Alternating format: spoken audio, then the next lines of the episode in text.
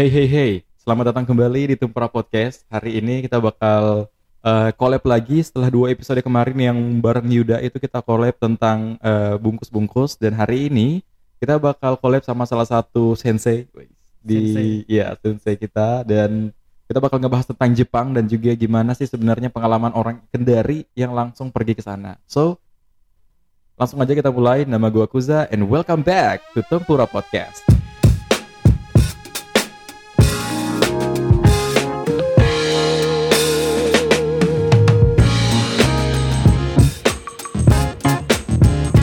Oke, Kak Abdi, gimana? Apa kabar? Alhamdulillah. Alhamdulillah baik. baik ya. Jadi- Selain dari corona ya. kalau dulu katanya eh, tanya apa kabar tuh cuma basa-basi. Kalau sekarang bener sehat ya? Iya benar. Alhamdulillah. Benar saya nggak sih. gitu. Harus sehat beneran ya. Jadi eh, ini udah sebenarnya kita udah rencanain bikin podcast dari beberapa bulan yang lalu sebenarnya dari Iya. sejak awal kita ketemu bahkan ya Hmm. di di Gfest di Gfest juga sih tapi eh, sejak saya buat podcast dan pas ketemu Kak Abdi tuh emang udah diniatin buat sharing tentang eh, perjalanannya Kak Abdi kemarin di Jepang Hmm. itu kayak apa dan akhirnya baru sekarang kesampaian ya sama-sama sibuk. sama-sama sibuk guys so sibuk sekali kita ya padahal nggak sibuk-sibuk amat Iya sebenarnya benar. Kayak sibuk-sibuk amat tuh.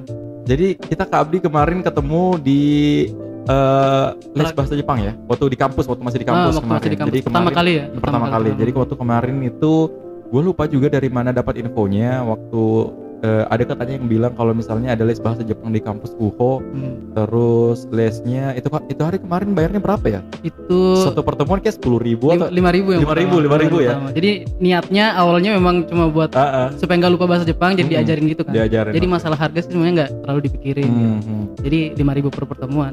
Jadi tapi itu inisiatif dari Kak Abdi atau ada teman-teman? Itu pertama Nisa. Oh Nisa ya, Hmm, kan Nisa Nisa. yang pertama. Salah satu guru juga waktu itu. Iya.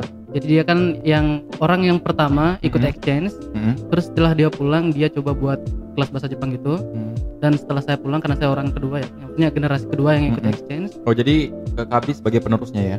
Hmm, sebenarnya waktu itu tiga orang buat kan itu waktu itu cuma di BTN-nya Nisa gitu. Oh gitu. Nah, di BTN-nya Nisa terus nggak ada nama organisasinya gitu nggak ada. Mhm, Terus pas mhm. kita pulang ya udah kita buat deh. Ada namanya, terus strukturnya ada gitu. Hmm, jadi lebih Hmm, terstruktur lagi. lebih terstruktur lagi.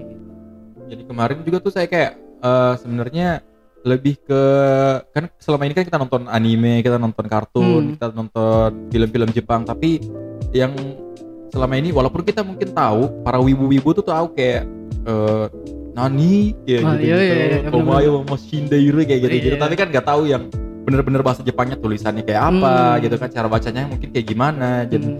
semua impian orang yang suka Jepang tuh suatu hari pasti nanti kalau misalnya mau ke Jepang ya emang harus ada basic bahasa Jepang Hmm. karena salah satu pengetahuan yang gue tahu dari sana itu selama ini orang Jepang tuh susah bahasa Inggris Ah benar-benar Nah, susah, susah, bahasa banget. Inggrisnya Ah. jadi mereka tuh kayak untuk dengar orang lain bahasa Inggris tuh kayaknya susah jadi alangkah lebih baiknya kalau misalnya nanti kita liburan ke sana dengan menggunakan bahasa Jepang Benar banget. Jadi Ah, ah.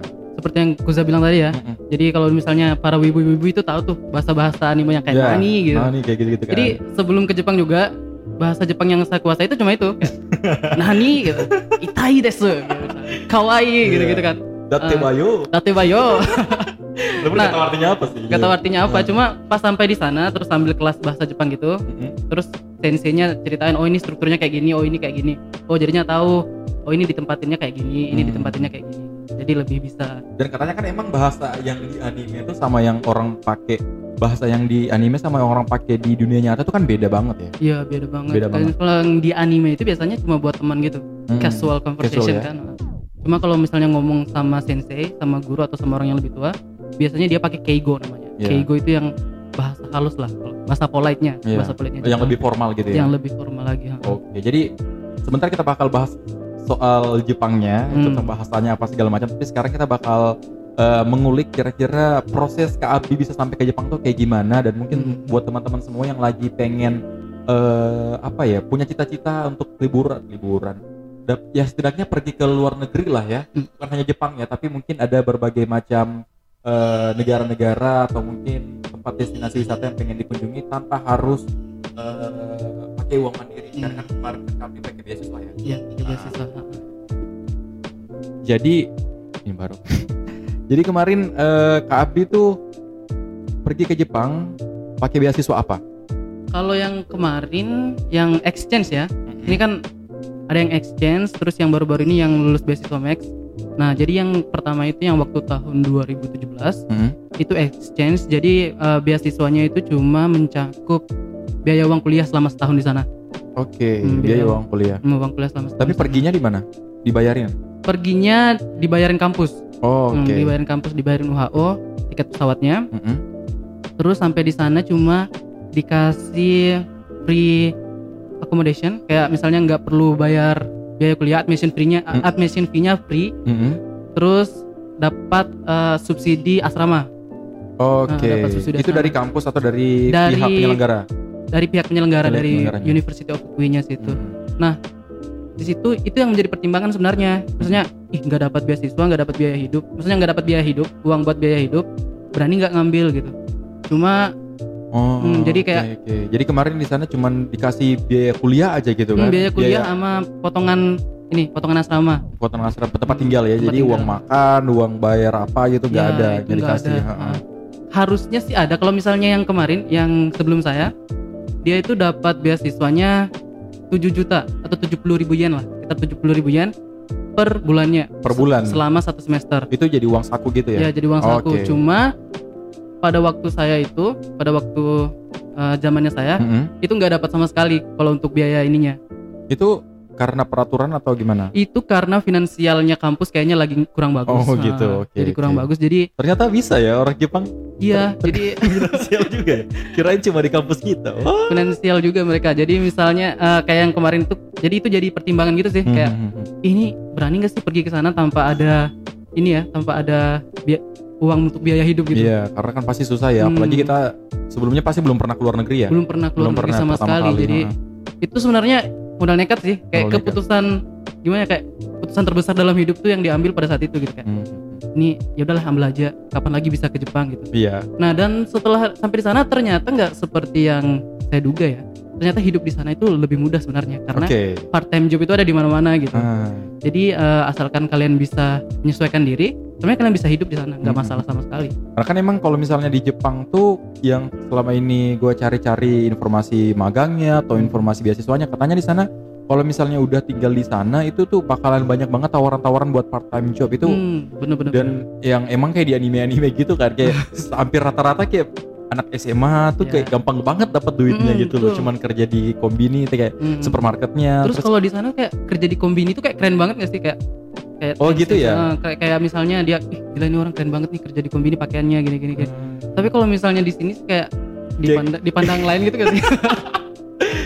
kerja Jadi- di kerja di Indomaret loh kayak temanku kan yang seangkatan exchange waktu itu Hmm, dia kerja di Seven Eleven di Oh, iya, 7-Eleven. kampus dekat kampus itu kerja di Seven Eleven. Terus dia tuh kayak gila sumpah gajinya gede banget. Seminggu itu bisa sampai dapat 10 jutaan dia. Satu minggu? Hmm, dia cerita ke aku. tapi ya memang kerjanya begadang sih.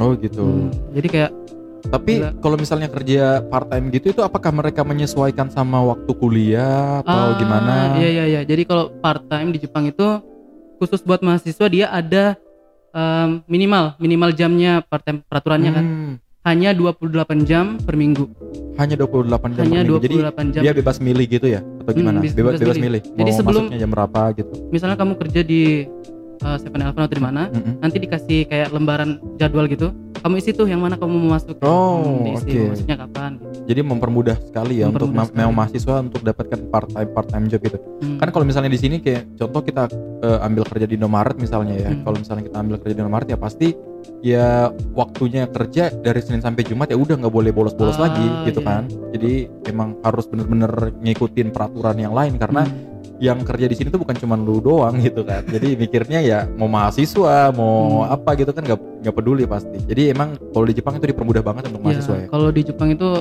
kita yang mesti menyesuaikan dengan Hmm. waktunya tempat pekerjaan kita kan Hmm. Terus tinggal tinggalnya gimana di asramanya atau apakah itu asrama yang di Jepang emang seperti yang di film-film atau mungkin ya emang kayak rumah kos-kos di yang di Kendari film aja yang di gitu. film-film itu gimana Yang di film-film tuh kayak ya kayak apartemen yang ya walaupun eh, cuman kotak tapi kan di dalamnya emang fasilitasnya ya udah lumayan lah kayak Hmm. eh, di dalamnya udah pakai tatami atau apa gitu kan yang tikar-tikar ala Ah, Jepang ta- gitu Enggak, apa ah, gitu. kalau misalnya asrama di Fukui kemarin itu kampus aku jadi masuk nggak terlalu besar sih kecil bang kecil sih ya Kayak ruangan ini nggak?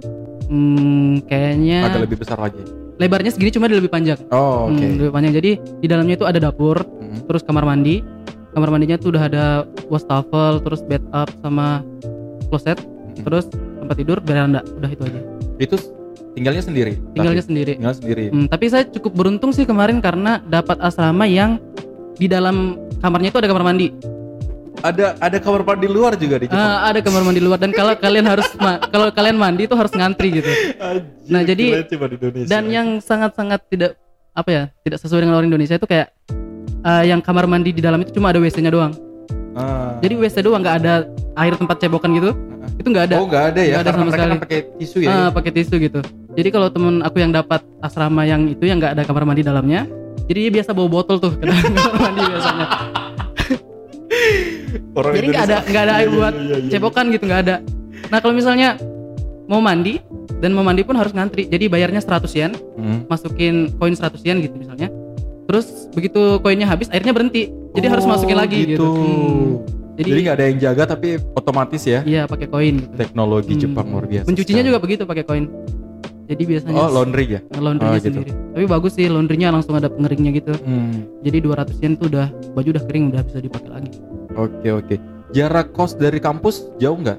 Nggak jauh nggak nggak jauh-jauh banget sih Hmm. deket sekitar hmm, berapa ya 5 menit jalan kaki.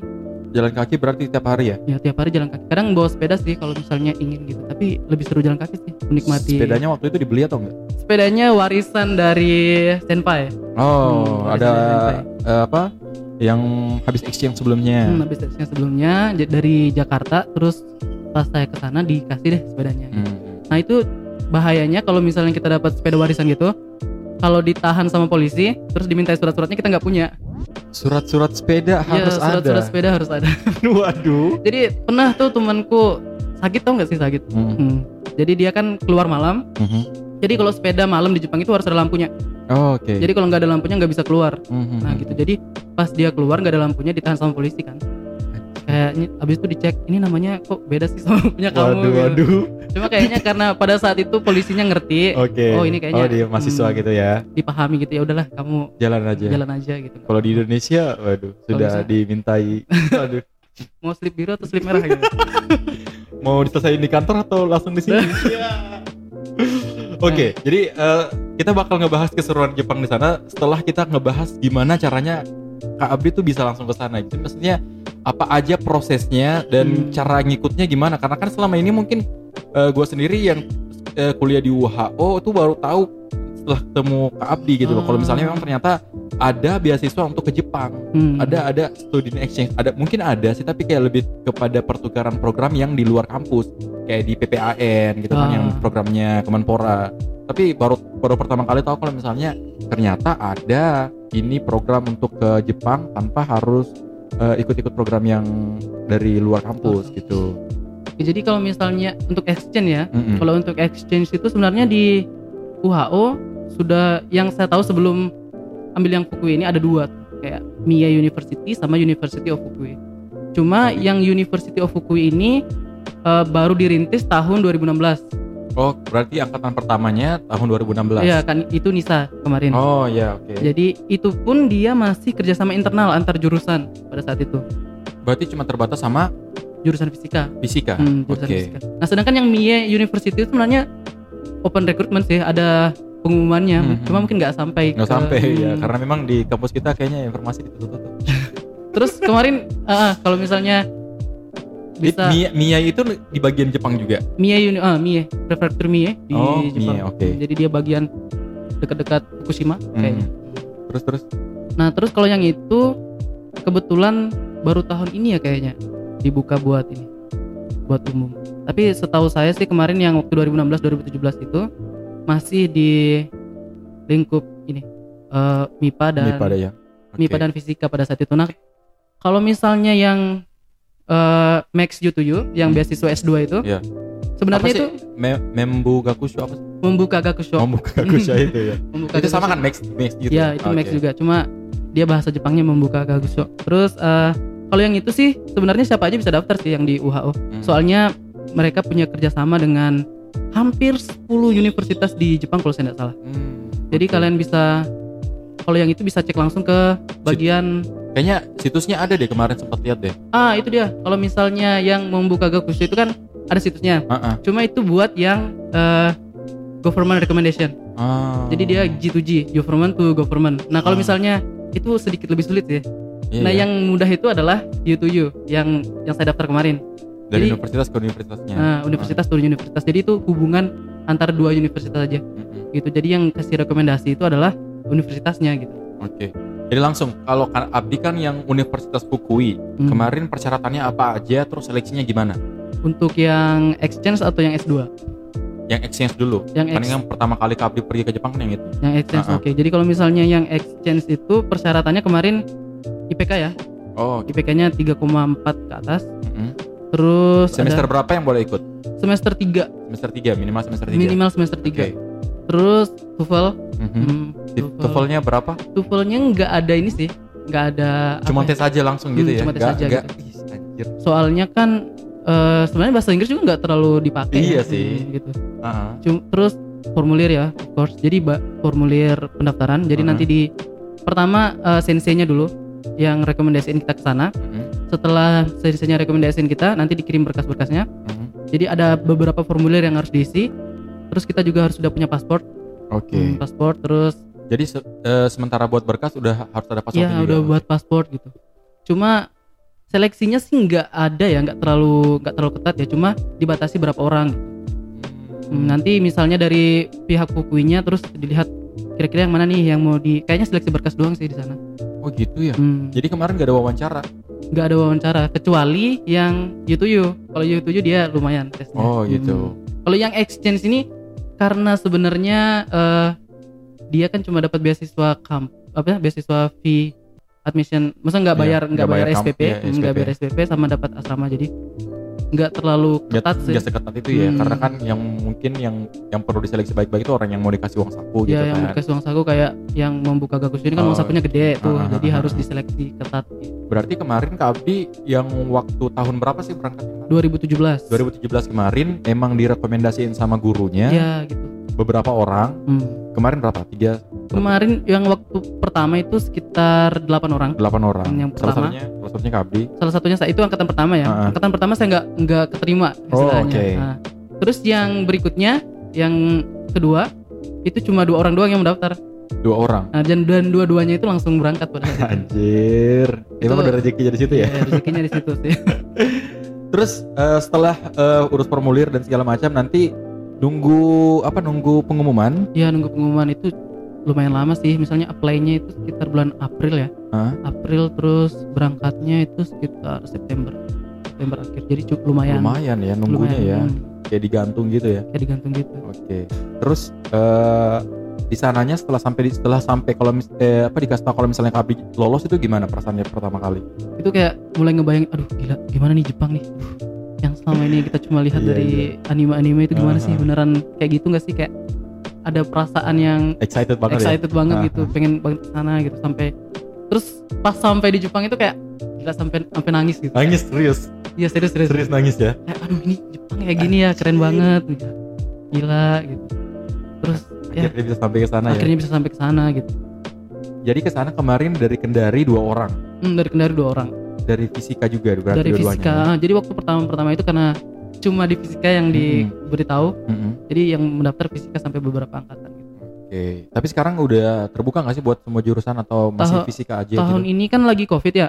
Jadi tahun ini tuh nggak ada dulu. Hmm. nanti tahun depan lagi mungkin. Dan kemarin ada email dari sana dari pihaknya Fukui. Kayaknya mereka juga mau ngirim mahasiswa ke sini. Jadi sudah mulai dibentuk lah Hmm. kegiatan pertukaran pelajar itu gitu Oke.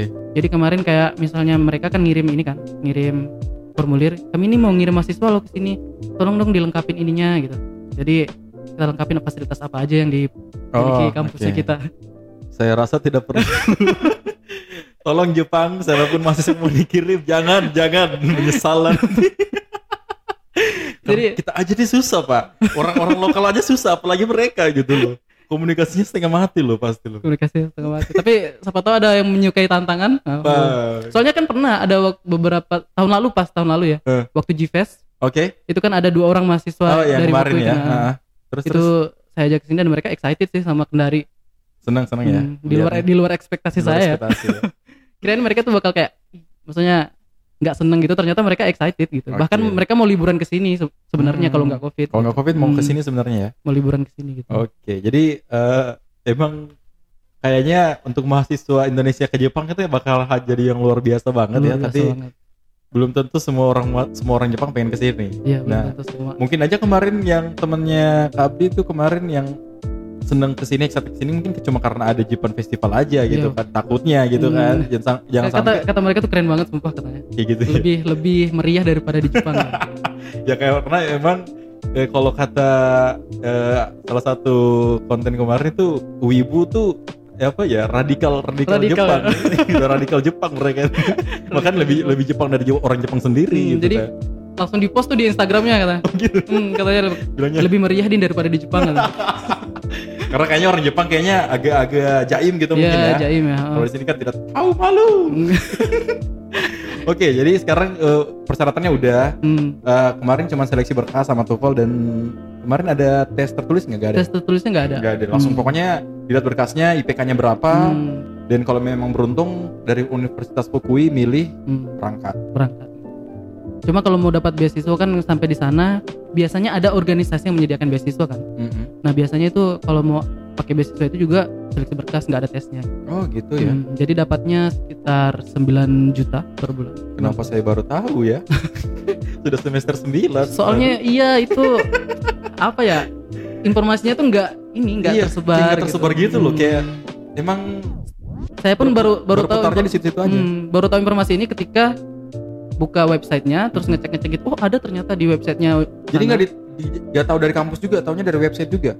pertamanya kan dikasih tahu kampus Oke. cuma eh, dari pihak buku itu kasih website gitu Oh. terus dibuka oh ternyata ada loh banyak Oh, misalnya iya, iya, iya, iya. penjelasannya di website itu ada terus Jadi Nah. lebih detailnya langsung di situ ya. hmm, berangkat dari situ ketika saya mau mendaftar yang lain-lainnya gitu langsung aja vis- visit link eh, universitasnya Hmm. ternyata di situ banyak instruksinya juga ada gitu Oke. jadi beasiswa ke Jepang tuh sebenarnya banyak banget gitu. Banyak ya Hmm. sebenarnya tapi emang kita emang kita yang malas atau emang pihak kampusnya yang malas nyebarin it- info itu Um, gimana? no comment. Takut kan anda?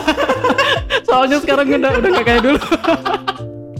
Kalau dulu lebih berani. Iya tenang saja. Pendengar podcast saya kayaknya nggak ada yang sampai pihak kampus. Semoga ya semoga semoga. Jangan sampai. Ya, kita cinta UHO kita cinta UHO. Yuk kita cinta alma mater tercinta gitu. alma mater tercinta. Inovatif dan toleran. Oke jadi itu tadi eh, pokoknya perjalanannya kalau bisa dibilang kayaknya lumayan mudah lah ya. Iya lumayan, lumayan mudah, ya lah ya. Hmm. saya sampai kaget loh ternyata ke Jepang itu semudah ini gitu. Semudah itu ya. Hmm. jadi nggak nggak emang nggak terlalu ya terlalu effort yang eh, banyak. Yang penting mau berusaha aja. Mau berusaha aja mau betul. coba aja apa pun yang ada Hmm. peluang itu kan. Nggak usah kayak nih ada nih eh, beasiswa atau misalnya program exchange ke mana? Ke Jerman atau ke Jepang ke mana Hmm. gitu kan? Tiba-tiba bilang kayak ah nggak usah kayak kayaknya saya nggak bakalan lolos deh. Enggak enggak enggak, nah enggak jadi boleh, nggak usah enggak boleh kayak gitu. ah. gitu. Harus berusaha ya. Jadi misalnya eh, tips buat yang pengen keluar negeri itu sering-sering aja buka websitenya itu. Jadi di websitenya itu nanti biasanya ada email eh, apa namanya kantor urusan internasional Mm-mm. coba deh email ke sana curhat kalau kalian tuh ingin banget ke sini ke sini nanti mereka kasih solusi loh bisa Hmm. Saya waktu Serius, serius? Iya, iya. Kemarin waktu daftar U to U, Aha. saya email ke beberapa universitas kan. Bilang saya tuh tertarik banget sama universitasnya kalian gitu. Hmm. Saya pengen belajar gini gini gini. Ada nggak beasiswa yang bisa saya apply? Mereka langsung balas, terus langsung bisa tuh kamu bisa apply ini ini ini ini gitu. What Tapi syaratnya harus begini begini begini oh gitu. Hmm. oke Jadi jadi tipsnya gitu, email ke beberapa universitas gitu. Hmm, Apalagi di Jepang ya. Di Jepang itu sangat support buat mahasiswa asing sih kalau menurut saya. gitu ya Hmm. Karena beberapa temen juga yang saya kasih tahu gini, coba deh kalian email ke beberapa kampus. Hmm. Dan ternyata banyak kampus banyak yang terima. ya banyak yang respon ya Hmm, banyak yang respon. Bahkan sudah langsung, ya udah kamu gabung lab, lab saya aja gitu. Ini LOE-nya langsung gitu. Keren nggak? Iya, tapi mungkin itu ya nggak tahu apakah cuma di jurusan fisika aja gimana. Ah, ya kayaknya di takutnya kan cuma jurusan fisika aja gitu loh karena yang ya kalau kayak gue mah yang jurnalistik atau yang kerja di komunikasi gitu Hmm. kan. Takutnya nggak ada kesempatan atau gimana? kayaknya enggak juga deh. Kayaknya semua Memang terbuka untuk semua Hmm, jurusan emang mungkin terbuka ya. untuk semua jurusan tergantung bagaimana caranya kita menarik perhatiannya mereka dan Hmm. komunikasi ke mereka.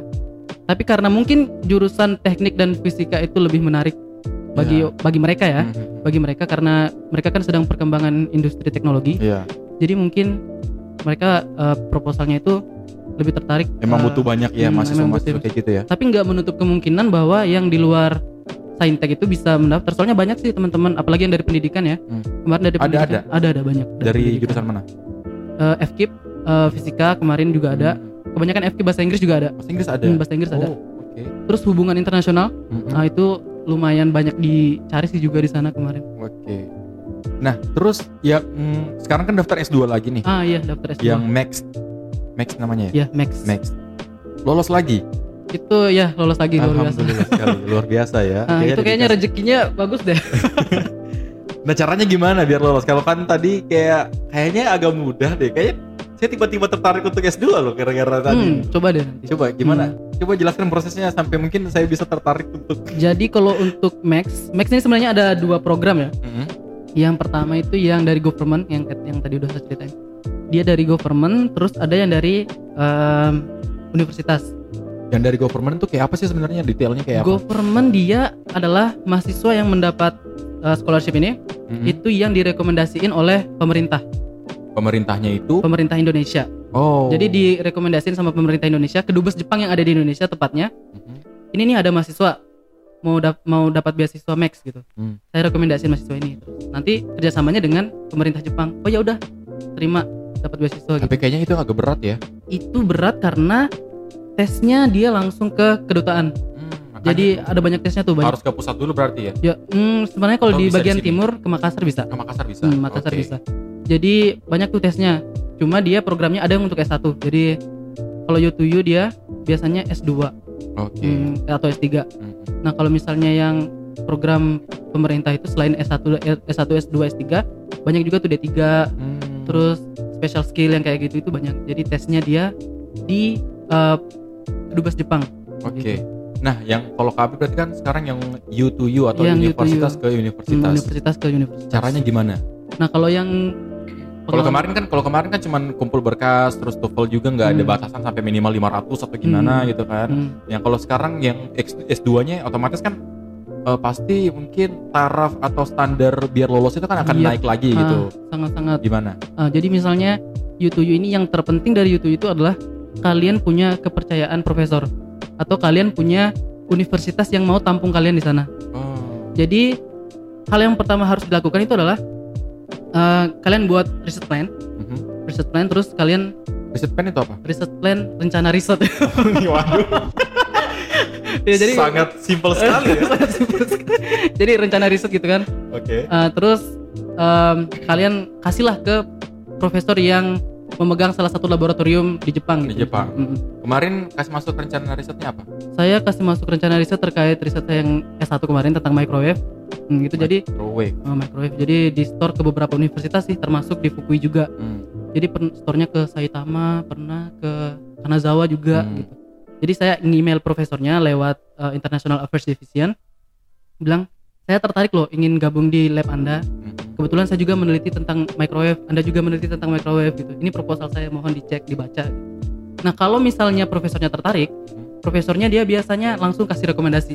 Ya udah kamu gabung deh di lab saya. Nanti Oh, dari pihak profesor itu langsung menghubungi pihak pihak kampus. pihak kampus di sana. Oh, oke. bilang oh ini ada mahasiswa loh yang mau daftar ke lab saya. Tapi apakah labnya ini satu kesatuan dengan kampusnya atau mungkin labnya ini bergerak sendiri tapi punya kerjasama sama kampus?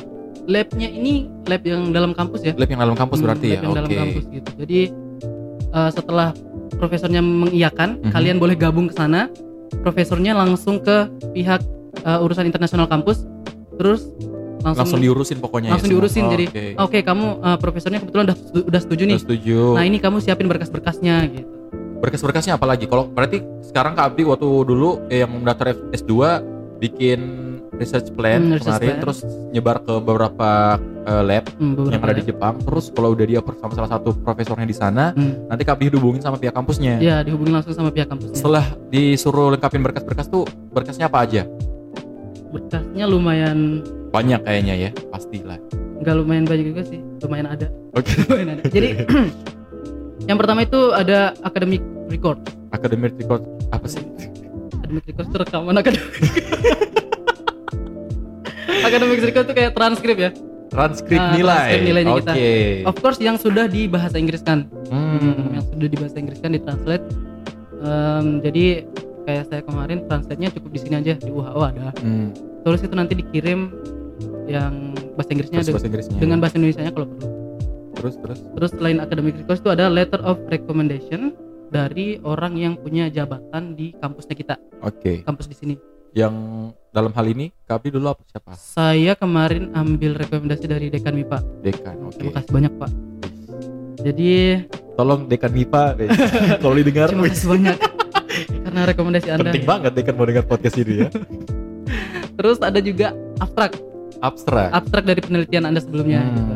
Jadi abstrak dari penelitian kalian waktu S1 itu bisa digunain buat daftar. Oke. Jadi dia minta abstraknya juga. Terus ada certificate of language. Jadi kayak TOEFL, Hmm. kalau kalian punya TOEFL atau sertifikat-sertifikat lain yang menyatakan bahwa kemampuan bahasa Inggrisnya kalian itu em, sudah di levelnya ya B2 kok enggak lupa. Tapi ada sertifikat yang menyatakan bahwa Berarti kalian- standarnya emang nggak terlalu dipatok sampai gimana-gimana banget ya atau kayak ada patokannya. ada patokannya. Heeh, cuma ada biasanya tabel-tabel buat ini kemampuan bahasa Inggris itu kan Hmm. B1, B2, Hmm. B3 dan seterusnya. Level-levelnya gitu. Level-levelnya gitu dan kita Kalau- ada sampai B2. Sampai B2. Itu Kalau untuk berarti TOEFL, TOEFL-nya nggak dikasih patokan nilai atau gimana? kalau untuk TOEFL B2 itu saya lupa ya, tapi yang jelas di atas 500. Di atas 500. Hmm, di atas 500. Agak-agak ini. Dan itu harus tapi tergantung universitasnya sih. Biasanya ada yang di, di bawah lagi. Biasanya bahkan ada yang enggak minta TOEFL. Oh. Makanya kalau misalnya kemarin saya nonton juga di YouTube Mhm, yang review masalah uh, U2U, mhm. mereka mendaftar aja gitu. Walaupun skor TOEFL-nya di bawah 500. Oh, oke. Da- dan ternyata poinnya itu bukan di situ, bukan di TOEFL itu. Hmm, Poinnya adalah bagaimana riset plan-nya kalian dibuat gitu. Oke. Karena biasanya gitu, banyak orang tuh yang lihat kayak aduh persyaratannya TOEFL di atas 500 nih, udah nyerah aja gitu. Ya karena kadang susah kan kalau misalnya Hmm. mau sampai 500 gitu. Padahal poinnya itu bukan di situ gitu. Mhm, Poinnya itu adalah riset plan-nya kalian, Oke. seberapa menarik. Terus ketika kalian lulus itu mau ke mana gitu. Mhm, Kayak motivation letternya itu juga penting di situ. Jadi TOEFL itu sebenarnya nggak terlalu diperhatiin sih Oke, sebenarnya. yang penting Yang penting ada. yang penting ada gitu. Soalnya sampai di sana kan orang Iya. Jepang juga nggak nggak- Pasti bahasa Jepang juga kan. Iya bahasa Jepang juga. Terus apa lagi? Terus kemarin ada application form pastinya. Uh, application form itu dikirim langsung dari situ. Hmm. Jadi ada beberapa yang diisi itu di application form. Terus ada juga ya ini riset plan. Plan yang tadi ya. Plan yang tadi. Dimasukin kembali berarti. Iya dimasukin kembali ke sana. Terus Terus ada paspor. Mhm. Paspor terus official certificate of grade. Jadi oh, ini sebenarnya agak membingungkan sih os- official certificate of grade ini. Jadi pada waktu itu saya masukkan surat pendamping ijazah. Biasanya kalau misalnya setelah wisuda itu ada surat keterangan pendamping ijazah. Mhm. Nah, itu yang saya masukkan ke sana. Tapi ternyata Kayaknya itu deh. itu ya. Masih soalnya mereka mereka juga nggak protes kan. Oh gitu. Hmm, karena kayaknya ini deh. Saya baru pertama kali dengar juga. Cuma ke- ketika saya masukkan itu ternyata mereka nggak protes dan Nggak nggak ada, ada minta ulang atau Iya, nggak ada minta Nggak ada ulang, konfirmasi kembali ya udah itu. berarti aja. ternyata itu gitu. Terus yang terakhir itu ada ijazah. ijazah. Cuman itu aja. Cuman itu aja. Berarti emang tidak se apa ya, tidak semeribetkan yang kita bayangkan berarti Iya, ya untuk tidak seribet yang orang bayangkan gitu. Mm-mm. Biasanya keti- karena ini kan uang sakunya kan gede ya. Mm-mm.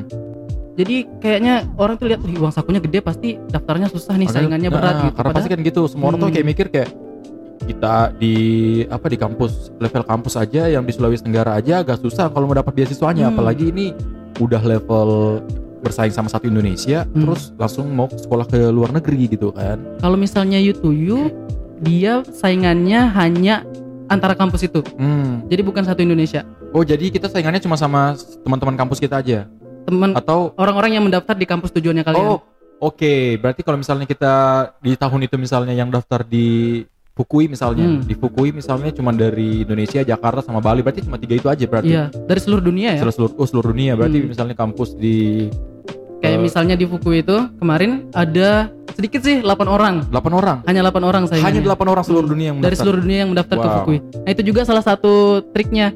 Jadi orang-orang banyak tanya, kenapa kan nggak daftar di University of Tokyo gitu, Oh, atau di Nagoya iya gitu? iya iya, karena saingannya sedikit. Karena saingannya sedikit Iya, betul gitu. sekali. Kalau ke misalnya, ya. hmm, Terus terus. kalau misalnya ke University of Tokyo itu pasti lebih banyak saingannya ya, Hmm. dan lolosnya juga lebih Berat sulit, ya, sulit lebih ya. berat. Oke. Cuma kalau misalnya di universitas yang kayak Fukui, kebetulan saya juga pernah ke sana kan, jadi selain ada ikatan batin, sebenarnya saingannya lebih sedikit juga di situ. Oh gitu. Hmm. Oke. Jadi emang kita harus pintar-pintarnya jangan cuman mau ego-ego aja pengen kuliah di luar negeri terus sosokan yang ambil yang tinggi-tinggi Iya. gitu kan. Kayak misalnya mau ke Inggris ke Oxford gitu kan. ya. Tidak usah terlalu mimpi Anda kalau cuman TOEFL TOEFL 350. Itu pun lolos-lolosnya karena udah tes 4 kali. Oke, jadi pesan terakhir ke Kabdi kalau misalnya untuk teman-teman semua yang pengen yang punya cita-cita mau eh, sekolah S1 nanti di luar negeri atau misalnya S2 nanti lanjutnya ke Jepang atau ke mana kira-kira dari Kak Abdi gimana? Kalau dari saya tipsnya sih kuliah ke luar negeri eh, sekarang itu sebenarnya gampang banget. Informasi ada di mana-mana. Kalian tinggal cek websitenya, terus ikuti peraturannya, terus udah daftar. Kayak gitu aja ya. Hmm, sebenarnya kalaupun ada tesnya ikutin aja gitu. Hmm. Nggak usah insecure sama dirinya kalian gitu. Tes aja, ikut aja. Semakin banyak kalian mencoba, kalian akan tahu oh gagalnya saya di sini gitu. Oh, Gagalnya saya di sini gitu. Karena untuk mendaftar kemarin beasiswa S2 ini juga gagalnya saya sempat beberapa kali gitu. Beberapa gitu. kali daftar eh, S2 dengan beasiswa yang berbeda tentunya. Tepatnya berapa kali? Sekitar 5 5 Ah, lima kali berarti lima tahun ya? Enggak enggak. Oh, Di- dia tesnya ada per semester atau gimana? Di tahun itu. Jadi saya coba beberapa beberapa beasiswa. Oh, Oke. Jadi pernah coba Yoneyama juga, Hmm. Yoneyama scholarship.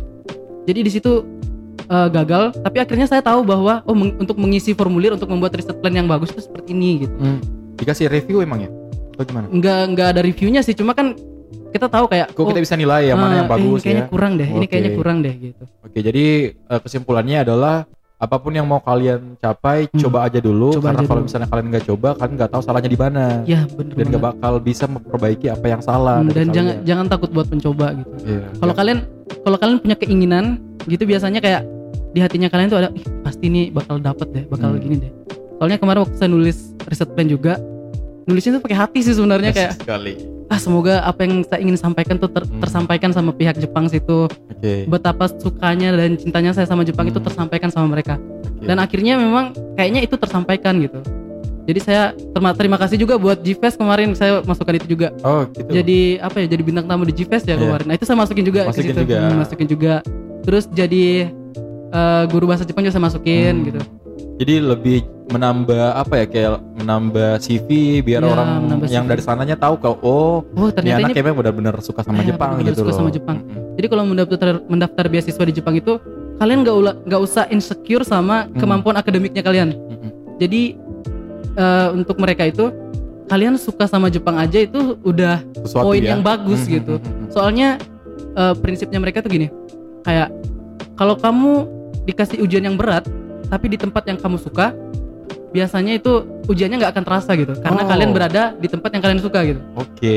Jadi itu kalau- salah satu quotes yang asik sih. Ya, gitu. prinsip Jadi- yang keren, prinsip yang keren. Emang jadi- kalau misalnya kita ngerjain sesuatu kalau misalnya walaupun berat kayak gimana ya, Hmm. Kim, tapi kalau misalnya kita suka ya udah dilakuin aja iya, udah gitu. dilakuin aja gitu. Jadi Hmm. misalnya kayak saya kan suka banget nih sama Jepang kayak obses gitu. Mhm. Jadi sebelum memutuskan untuk lanjut kuliah ke sana juga mikir kayak ini pasti berat. Ini S2 loh. S2 Hmm. di luar negeri gitu. Oke. Dan kayaknya nggak semua orang bisa gitu. Jadi kayaknya bakalan berat juga. Jadi saya pikir kayak ah walaupun berat tapi saya berada di tempat yang saya suka, kayaknya akan Terlewat, terlampaui. ya terlewati aja gitu kan. Oke, thank you semuanya. Nanti kita bakal lanjut karena ini sudah 38 menit. Wow, nggak terasa. Nggak terasa sekali ya. Nggak ada terasa. habisnya kalau kita ngomong iya, kayak gini. nggak ada habisnya. So kita bakal ketemu lagi minggu depan di episode kedua episode part 2-nya. Nanti kita bakal ngebahas soal gimana sebenarnya eh, pengalamannya Kabi langsung di sana setelah melihat eh, orang Jepang aslinya ya, Hmm. kayak kehidupan mereka sehari-hari kayak gimana. Terus mungkin kita bakal dikit-dikit singgung soal kehidupan eh, perwibuan ya. Perwibuan, oke, Ya, oke. Kita bakal singgung-singgung dikit ya kalau Sip, sip, sip. kan pasti banyak yang bertanya kayak gimana sih sebenarnya Hmm. apakah cewek Jepang emang duluan nembak ya? Oke. Oke, cewek Jepang Kita bakal bahas episode berikutnya. Nama gue Kuza, thank you.